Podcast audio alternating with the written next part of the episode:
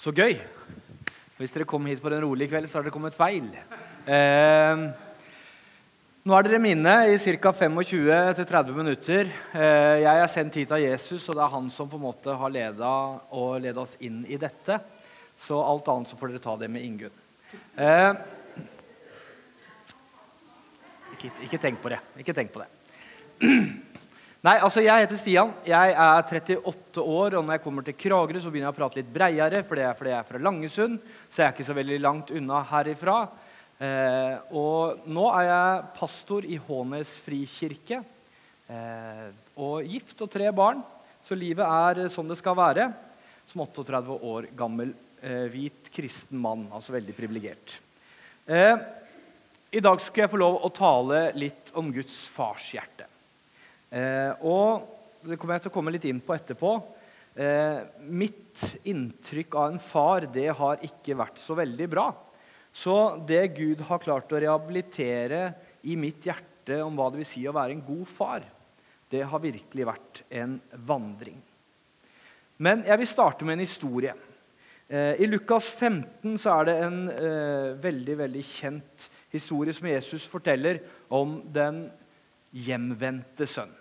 Den har het Den bortkomne sønn og Den hjemvendte sønn og Sønnen som var borte. og Alt mulig rart har den blitt kalt. Men det er hvor vi legger fokuset hen. Eh, og så er jeg veldig glad i en som heter Philip Yancy. Han har skrevet en bok som heter 'Nådens gåte'. Og I den boka så skriver han en fortelling som jeg ønsker å fortelle til dere nå. Eh, han var og talte på et sted i, i, sør, i sør i USA og kom i samtale med noen. Og de forteller denne historien. Så det er ikke min historie, men den er derifra.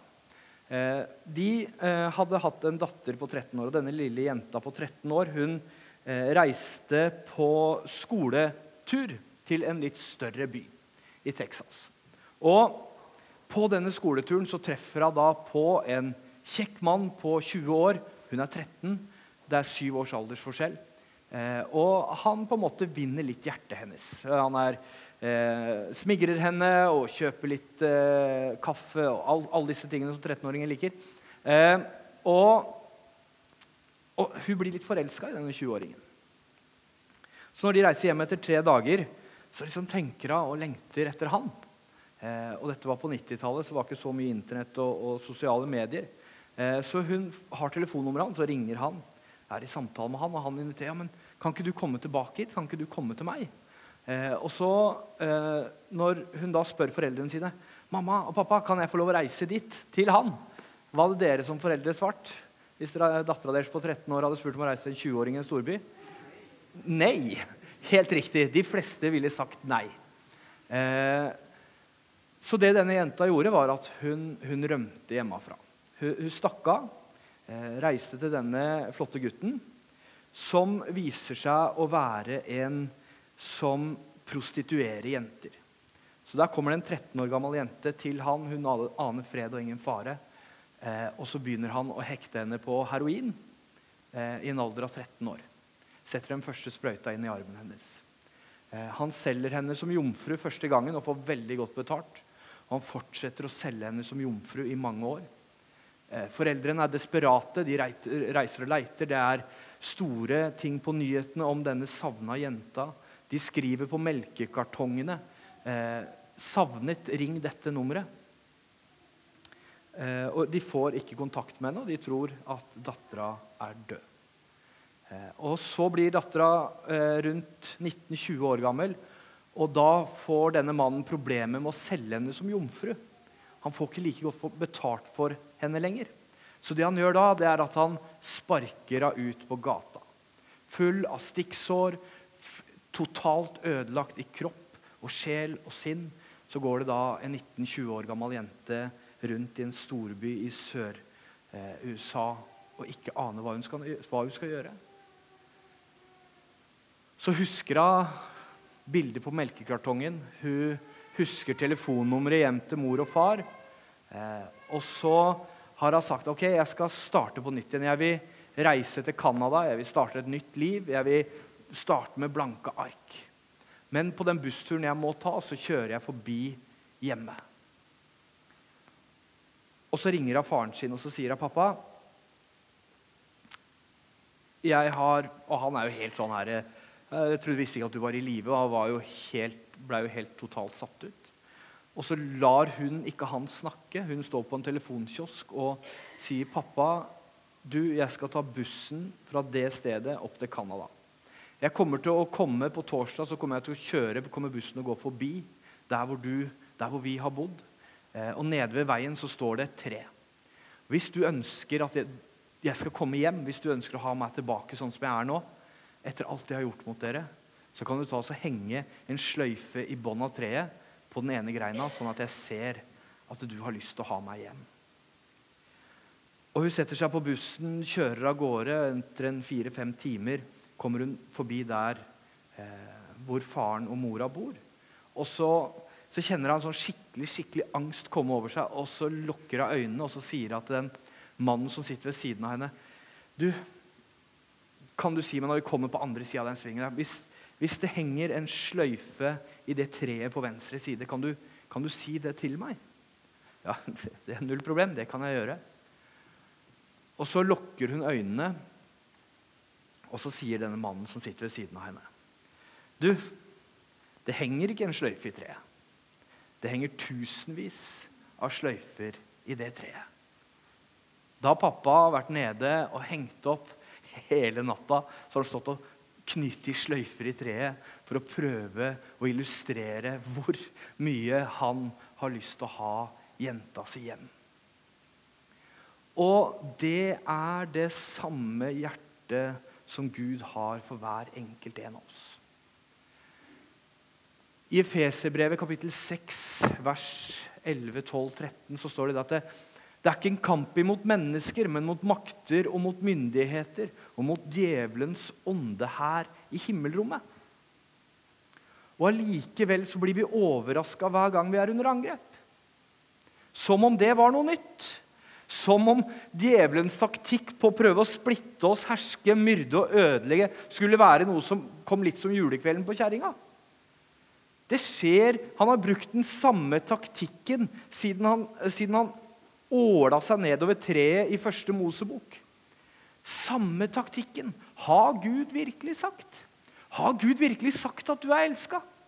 Hva er det første Jesus møter når han blir frista ute i ørkenen? Etter, altså etter 40 dager ble han sulten, står det. Eh, har Gud virkelig sagt? Hvis, er du virkelig Guds sønn? Så Han setter alltid et spørsmålstegn ved vår identitet i Kristus. Ved vår identitet i det Gud har kalt oss inn i. Han vil alltid sette spørsmålstegn med hvem du er.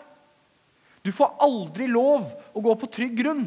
Han vil alltid ligge og lure under. Og i 1. Mosebok kapittel 3, vers 17, eh, så har jo da eh, Adam driti seg ut. Eh, og I kapittel eh, 3, vers 15, 16 og 17 så skylder de på hverandre. sant? Eva skylder på slangen, Adam skylder på Eva, Gud skylder på Adam. Og det er litt sånn typisk. sant? Jeg prøver å skylde på kona, jeg får det alltid tilbake. Eh, og, og da, sier, da sier Gud til Adam Jeg forbanner jorden du står på. Jeg forbanner jorden du står på. Det vil si at det, synden har ikke bare tatt plass og bolig i mennesket. Men synden er også en del av hele skaperverket. Så hele skaperverket som står i romeret, hele skaperverket stunder etter forløsning. For hele skaperverket jobber imot oss. Og midt oppi dette så skal vi få lov å komme hjem. Midt oppi dette så kommer Gud og henger tusenvis av sløyfer på treet. Midt oppi dette, når du stiller spørsmålstegn Er jeg virkelig frelst? Gud, er du virkelig sann? Er det virkelig sant? Så er han midt oppi det. Eh, John Wesley han etablerte eh, altså metodismen, eh, baptismen, på 1600-1700-tallet. Og han var på en en sjøreise fra England til USA på denne tiden her. Eh, og han hadde kunnet sin bibel, han var døpt, han var konfirmert. Alt var på en måte på stell. Eh, og så begynner det opp en skikkelig, skikkelig storm. Og han blir jo livredd. Han får dødsangst. Og så ser han da to jesuitter. altså Jesuittene det var liksom pavens fronttropp i evangelisering av Europa og verden. Det var de som kriga først i fronten. Og de sto som skjæra på tunet, var ikke redd en plass. For de visste hvor de skulle hen. De var frelst. De hadde noe som heter det vi kaller i teologien for frelsesvisshet. Altså, de, de var ikke i tvil om hvor de var hen. Eh, og da fikk John Wesley det han definerer som sin second blessing experience. Han fikk da en, en åndsdåp, som han ville kalt det i enkelte sånne vennekretser. Eh, og, og, han får en frelsesvisshet. Og i denne frelsesvissheten så står vi ganske trygt. Jeg husker jeg skulle hoppe i fallskjerm eh, i utdrikningslaget mitt. Og de her fallskjermgutta liksom adrenalin, og det er så kult og det er så tøft. Du kan jo dø. Så sier jeg men jeg er ikke redd for å dø. Er du, er du ikke redd for å dø? Nei, altså, jeg har to. Altså, Enten så ryker ikke den, da kommer ikke den fallskjermen ut, og vi går i bakken, og jeg reiser hjem til Jesus. Eller så går fallskjermen ut, og så gifter jeg meg neste uke. Så det er enten-eller. Eh, så, så, det her er liksom, den triggeren med å liksom, 'Å, kan du dø?'-greia, den funka, funka svært dårlig i møte med det jeg sto i akkurat da. Eh,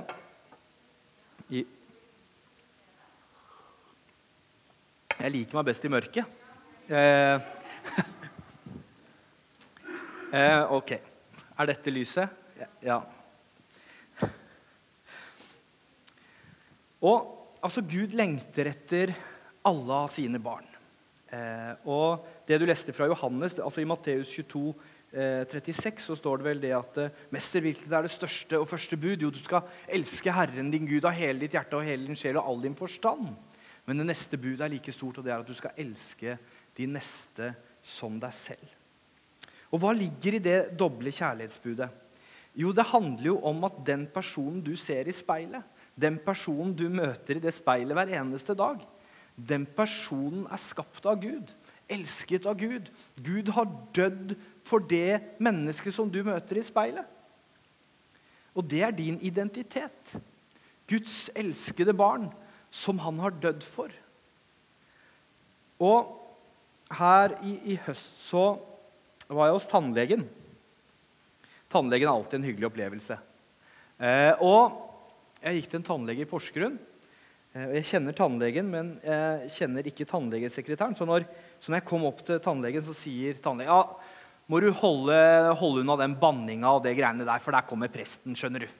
Eh, og han liker jeg ikke sånn banning. Og så Jeg har aldri sagt det til ham. Men, eh, og så sier hun dama Nei, er det mulig? Så slår hun seg i panna. Ja, det var hyggelig, ja, hyggelig møte. Nei, du skjønner det, sa han. At jeg har vært medlem i Humanistisk Forbund i over 30 år. Og det greiene der, det vet du. må du skjønne at det er bare noe tull. Det er bare noe tull. Ja. Interessant tilnærming, sa jeg da.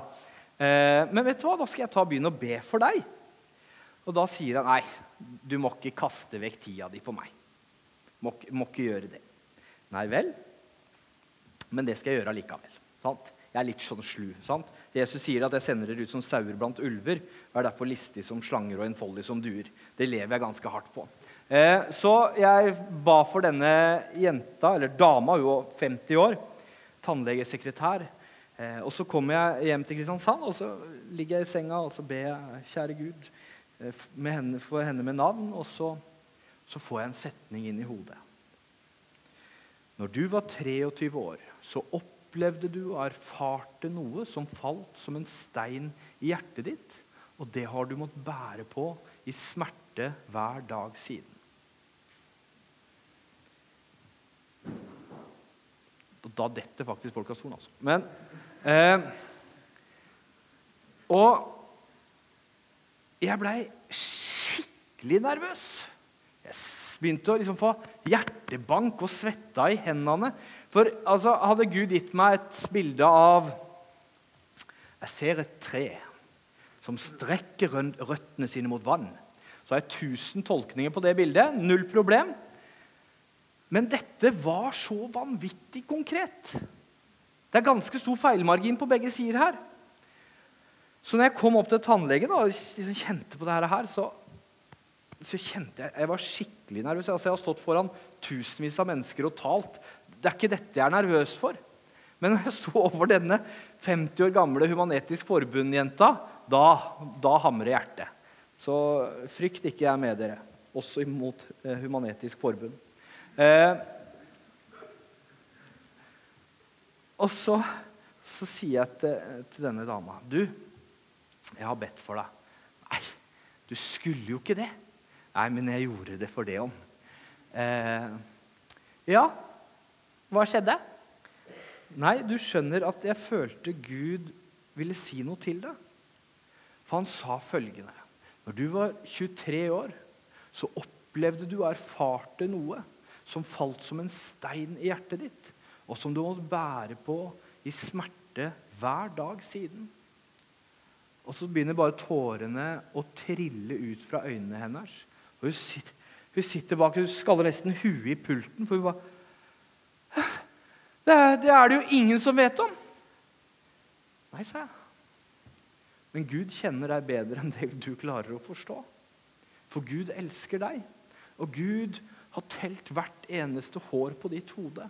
Han har sett hver eneste bølgedal du har vært igjennom. Og selv om du har bygd opp det panseret med Human-Etisk Forbund i 30 år, og det er ganske tjukt, altså, så har Gud en sånn failsafe. Han har en sånn bakdør inn. Sant? Og det er sannheten om menneskers liv. Ikke illusjonen, men sannheten om menneskers liv. Nå ser jeg at jeg er langt utafor det som jeg hadde tenkt å si. Så da må vi bare bygge videre på det.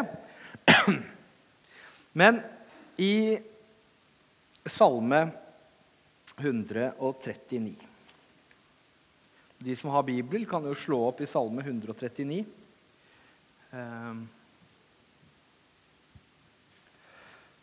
så står det Herre, du har ransaket meg og kjenner meg. Hvor jeg enn sitter eller står, så vet du det. Langt borte fra kjenner du min tanke. Min sti og mitt leie blir gransket av deg, du kjenner nøye alle mine veier. Ikke et ord er på min tunge. Se, Herre, uten at du kjenner det helt og fullt allerede. Bakfra og forfra omgir du meg. Du har lagt din hånd på meg. Å forstå dette er for underfullt for meg. Det er for høyt. Jeg kan ikke fatte det. Hvor kan jeg gå bort fra din ånd? Eller hvor kan jeg flykte fra ditt ansikt? For jeg opp til himmelen, er du der. Reder jeg ned i dødsriket, se, da er du der. Spenner jeg morgenrødens vinger, setter bo ved havets ytterste grense.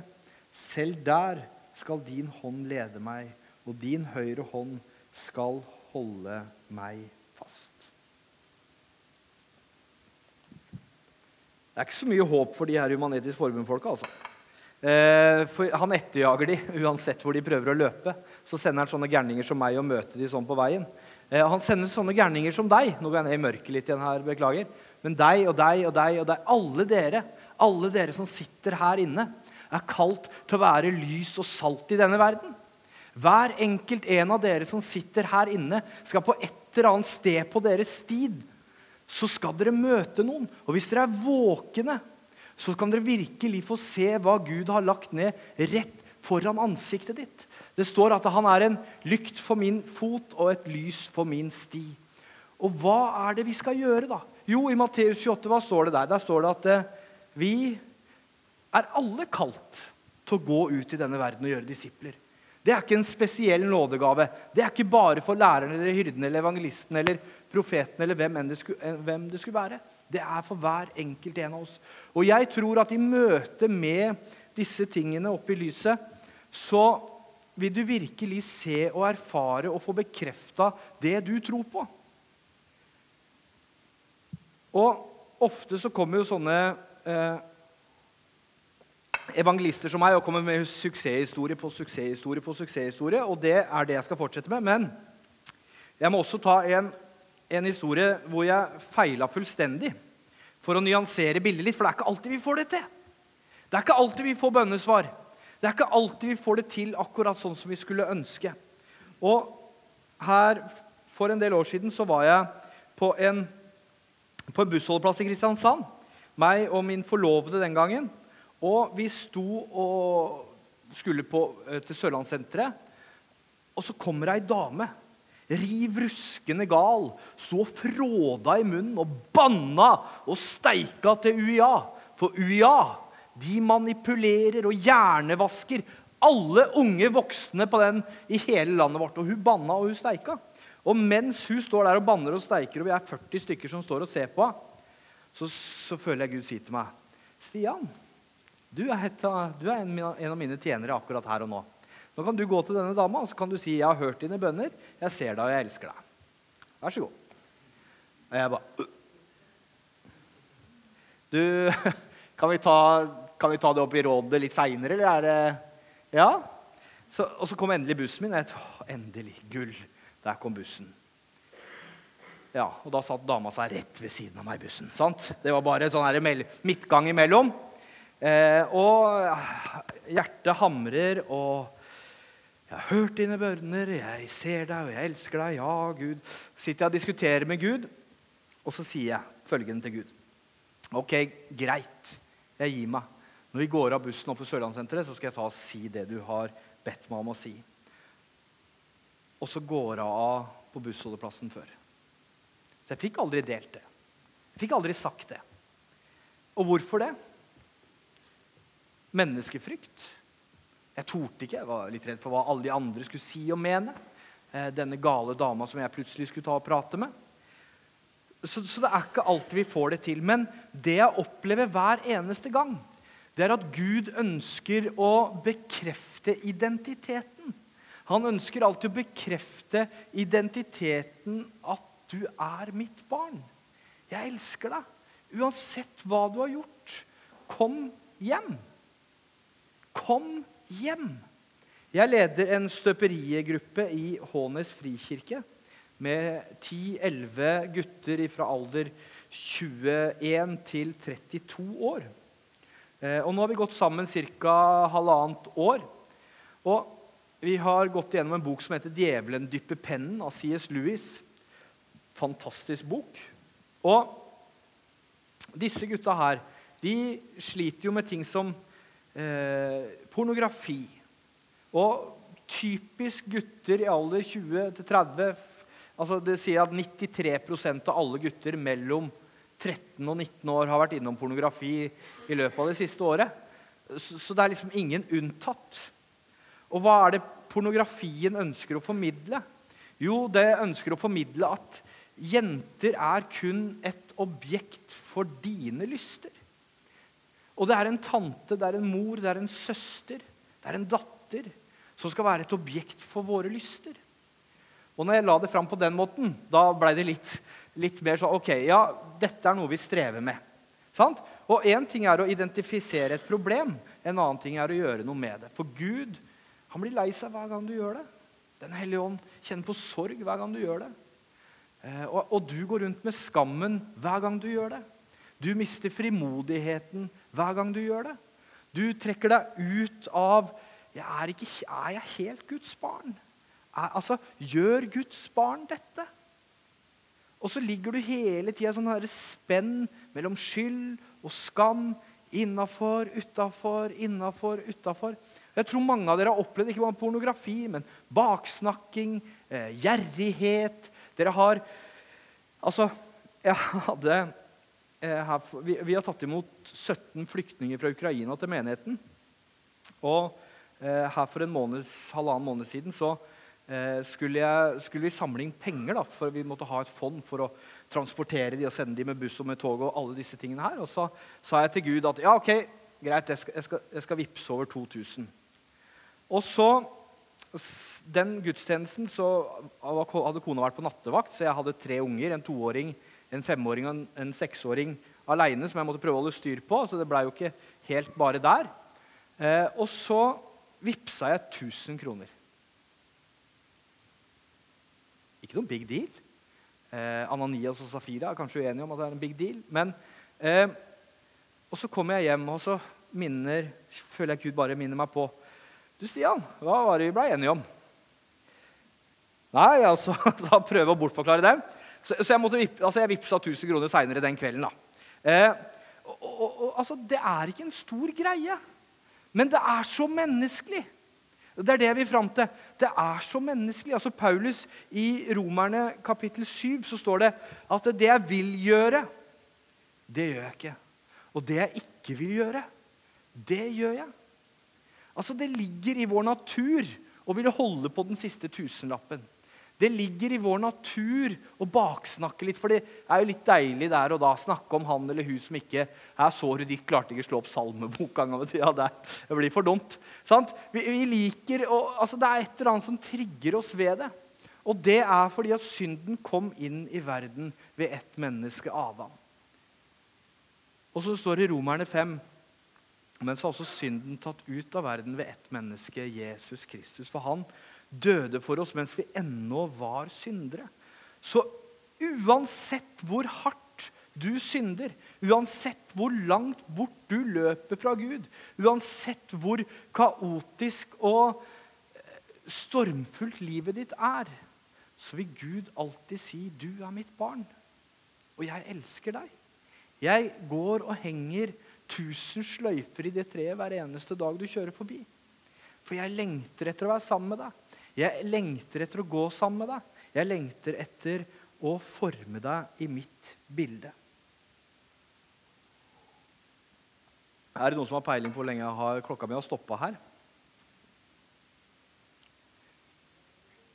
Sikkert fordi jeg taler så kjedelig at klokka til og med stopper. Eh, det er liksom på tida å komme i gang litt her. Eh, men Har jeg igjen fem-ti minutter? Ja. Nydelig. Eh, og så er det noe med det man sår litt underveis. Så i hvilken, i hvilken grad så vi det, og hva betyr det egentlig? Og jeg tror at det, mange av dere her har sådd noe inn i noen menneskers liv uten at dere helt er klar over det. For eksempel ta altså, ei som heter Susann. Min kone kjenner henne, og hun hadde stjerner i øynene, for hun var så kjempetøff. Og så var hun jo kristen. Og for kona mi så ble det at For du kunne ikke være tøff og kristen samtidig. Du måtte være enten-eller. Men hun så da ei som hadde begge deler. Og det gjorde noe med min kone, for hun var ganske sånn guttejente sjøl. Litt sånn røff i kantene. Og så så jeg liksom noen som klarte å være kristen og tøff samtidig. Så da har man sådd noe ned. Jeg, når jeg gikk på bibelskolen i Grimstad i 2011, så var vi i Tvedestrand frikirke en gang i måneden og holdt opplegg og andakter og lekte med, med ungdommene. Også på Ansgar her i høst så møter jeg ei jente som kommer bort til meg. Så sier hun, 'Du, kjenner du meg igjen?' Eh, nei, har ikke peiling. Eh, Nei, du skjønner at du og et team var i Tvedestrand frikirke i 2011. Ja, det er 11-12 år siden. Så den jenta her hadde jo blitt en ung kvinne. Men det, den historien du fortalte da, Stian, den berørte meg så sterkt at jeg hadde så lyst til å gå på bibelskole akkurat som du gjorde. Og du lekte med meg. Du så meg. Du gjemte deg under kirkebenkene i mørket for at ikke vi skulle finne deg. Du lekeslåss med oss. Alt det med din historie, at du har blitt en sånn mann, det inspirerte meg til å gå på bibelskole, og vi blei en hel gjeng som fortsatt er kristne den dag i dag. Og Det er ikke å evangelisere så veldig å gå og gjemme seg under en kirkebenk i mørket. er det det? Nei, det er ikke det. Men det betydde utrolig mye for denne jenta og for de som var sammen med oss akkurat da. Og Hvor mange av dere har hørt min historie før? Opp med en hånd. Ca. 50% Så resten, de resterende 50 har jo ikke en peiling på hva jeg snakker om eh, når jeg sier det. Eh, og så For dere som har hørt det før, eh, skal jeg ta eh, kortversjonen. Og for dere som, eh, så er, finnes en lengre versjon. Eh, og altså, jeg eh, opplevde å havne i fosterhjem ganske tidlig, for mine foreldre klarte ikke å ta vare på meg. Så vokste jeg opp hos en tante. Eh, og så, når jeg var syv år, i 1991, 1.9.1991, eh, så blir, blir, min mor tatt livet av og drept. Eh, og jeg hadde litt kontakt med henne, ikke så veldig mye. Hun levde et rusliv. Meg, hadde en bror, eh, en flott gutt. Og jeg ble 13 år, eh, var sinna, jeg hata. Jeg eh, sparka ned folk, jeg sloss. Det var mye sinne og aggresjon i livet mitt. Eh, og det var mye hat i livet mitt. Så jeg begynner å drikke som 13-åring, begynner å røyke hasj som 14-åring, begynner med amfetamin som 16-åring. Ecstasy, LSD, MDMA. Alt mulig rart eh, i perioden som kommer videre. Eh, og masse som skjer. Dette er kortversjonen. Eh, og så kom jeg til Langesund kirke etter jeg har vært på altså tre-fire år. Altså Jeg var på syretripp i 2006 eh, og fant ut at det fantes mer mellom himmel og jord enn jeg klarer å se, begripe og forstå. Jeg, no, jeg, var ikke noe kristen. Jeg har ingen kristne foreldre, ingen kristne besteforeldre, ingen kristne oldeforeldre. Søstera til oldemor var kristen. Tante Judith i Narvik. Det er nærmest vi har oppe i hierarkiet som kristen. Og så jeg levde krist, innenfor en kristen sfære i det hele tatt. Eh, og etter denne syretrippen så begynte jeg å søke etter hva er meninga med livet. hva er sannheten. Så kjøpte jeg fem gram amfetamin og så leide jeg Platons Timoteios. Noen som har lest Platons Timoteios opp med en hånd? Nei. Den leste jeg på syv dager. Eh, jeg sov ikke på de syv dagene. Eh, jeg brukte alle de fem gram amfetamin på de syv dagene. Leste hele den boka, og så var jeg på psykiatrisk tre dager etterpå. Eh, så det blei liksom en sånn her eh, fin balanse inn i det. Eh, jeg blei ikke noe klokere heller. Jeg kan redegjøre for Platons idélære, men ikke så veldig mye mer. Og det ga ikke noe svar. Og så var jeg i Langesund kirke høsten 2008 og satte meg inn på bakerste benk. og kirka, det var noe av det Altså, det var kjedelige greier. Sant? Eh, så jeg sneik meg ut igjen like fort som jeg hadde kommet inn. Og tenkte at her var det i hvert fall ikke et svar på noe sannhet. Eh, og så, uka etterpå, 28.10.2008, så går jeg også i kirka. For vet du hvorfor? Kan du gjette? Kirkekaffe. Sant? Og det var nydelig kirkekaffe. Så kommer jeg inn i kirka, og så var det ikke et menneske der. Det var en kirketjener og en prest og noen folk som sto og prata. Ingen andre. Jeg tenkte bare ok, hva har jeg er kommet feil. Eh, men viste at det var stilte klokka en time tilbake. Det hadde ikke jeg lagt merke til. for å si det sånn. Eh, så jeg kom da en time for tidlig. Så jeg havna veldig langt foran. Så jeg ble liksom sittende på tre rad. Eh, og jeg hadde på meg høllete olabukse, skinnjakke, syreblå T-skjorte, lilla solbriller og håret til alle kanter. Sant? Sånn typisk kirkegjenger i Den norske kirke. og, og så var det tre dåp og folk som går til dåp i norske kirke, åssen tror du de går kledd?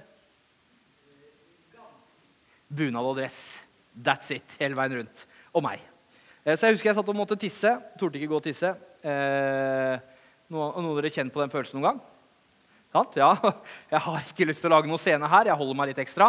Eh, og midt under prestens preken, og han taler da fra Matteus 7, så sier han at eh, Bred er den vei, og vi er den port som leder til fortapelsen. Og smal er den vei, og trang er den port som leder til livet. Og få er de som finner den. Da står han og prater her nede. Det er som jeg skulle stått her nede og prata med dere nå. Og så sitter jeg da på tredje rad, og mens han står og preker, så går jeg opp til alterringen. Vet du hvor alterringen er i en kirke? Den er der. Sant? Eh, og idet jeg setter beina, knærne mine ned på alterringen, så blir jeg løfta bort til et syn hvor jeg ser to svarte vegger, en mann med en hyrdestav som står og vinker på meg. Og Jeg har tatt MDMA, jeg har tatt ecstasy, jeg har tatt alle stoffer som denne verden klarte å produsere for å skape mest mulig lykke.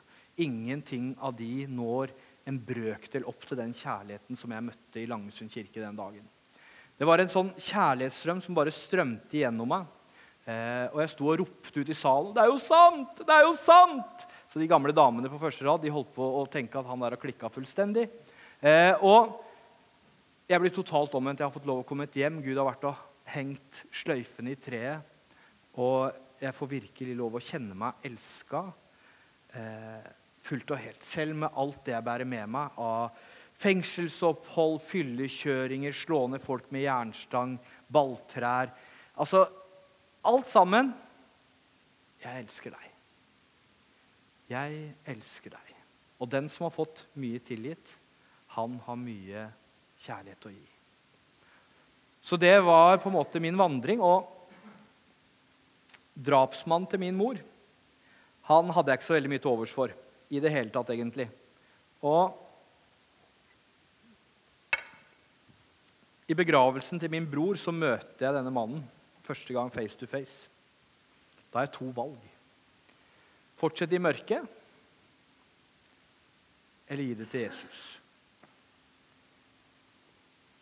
Hvis dere skal tippe, hvor tror du jeg landa? På den trappa så fikk jeg lov å gi den mannen en klem. Så sto vi og gråt sammen på trappa.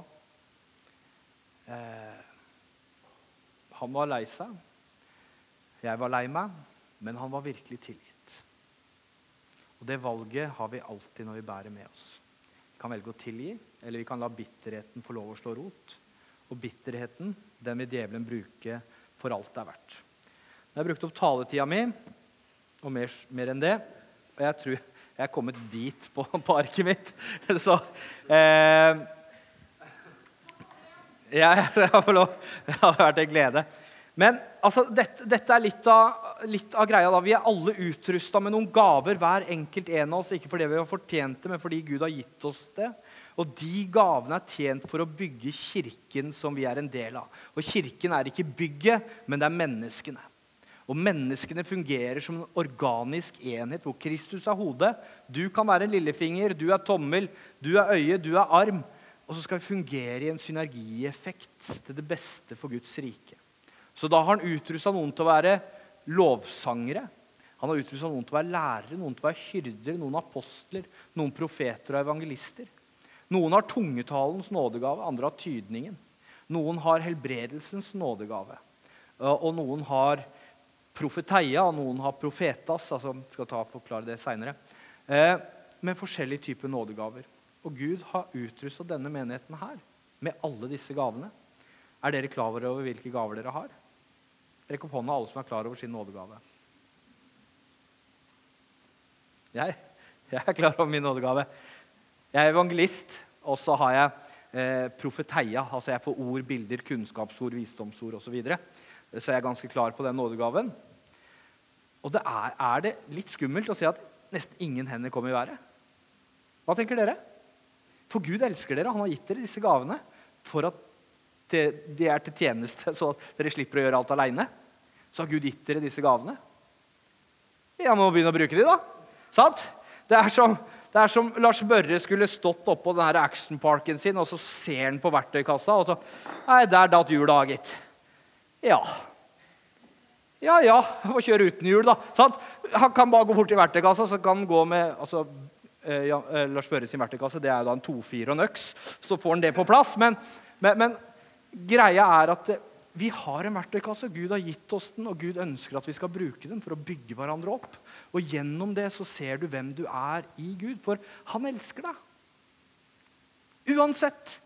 Han har gitt deg denne gaven uansett. Du kan ikke miste den. For av nåde er dere frelst ved tro. Det er ikke deres eget verk, men en Guds gave. Det hviler ikke på dine gjerninger slik at ingen skal kunne roses av det.